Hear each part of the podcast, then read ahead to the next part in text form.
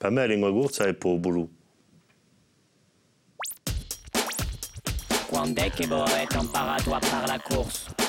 E ho cominciato a parlare e a imparare corso eh, di radio quando, perché io stavo in un ambito militante all'epoca, babbo, bon, babbo e mamma erano, erano militanti politici, dunque sono stato lì insieme qui. E ho cominciato a parlare, a imparare corso incantando.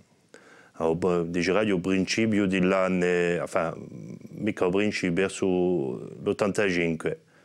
85 de, con la sorgere anni corti all'epoca e dunque dopo a Gugantu sono andato, sono andato più lontano per sapere ciò che noi cantavamo.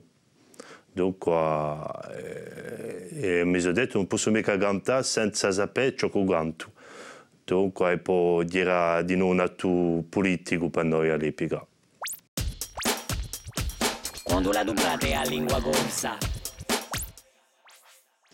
Oggi tutti i giorni come lavoro, perché intervengo nelle scuole e fuori dal lavoro con i miei amici poi di noi ne vetigarudi, perché bon, sto con una vecchia gita da Iaccio e di con, con i miei. Eh, nonna mi ha cominciato a parlare a corso quando io ho cominciato a parlare con ella.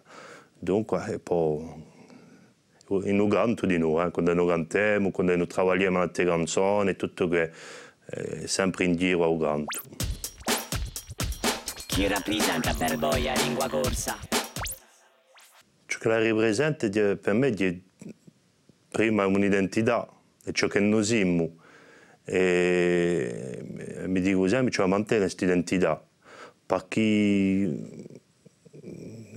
non è mica, dice radio, andare contro l'altro essere sfarenti. Siamo sfarenti, ma ci mantenere questa sfarenza. E dunque quella lingua possiamo mantenere, poi permette di noi, anche con sono mica corsi, eh, di diventare, perché la corsa ha sempre fatto i corsi, anche con gli stranieri, e di qui di noi, che l'identità e questa lingua, di dire, solco della nostra identità.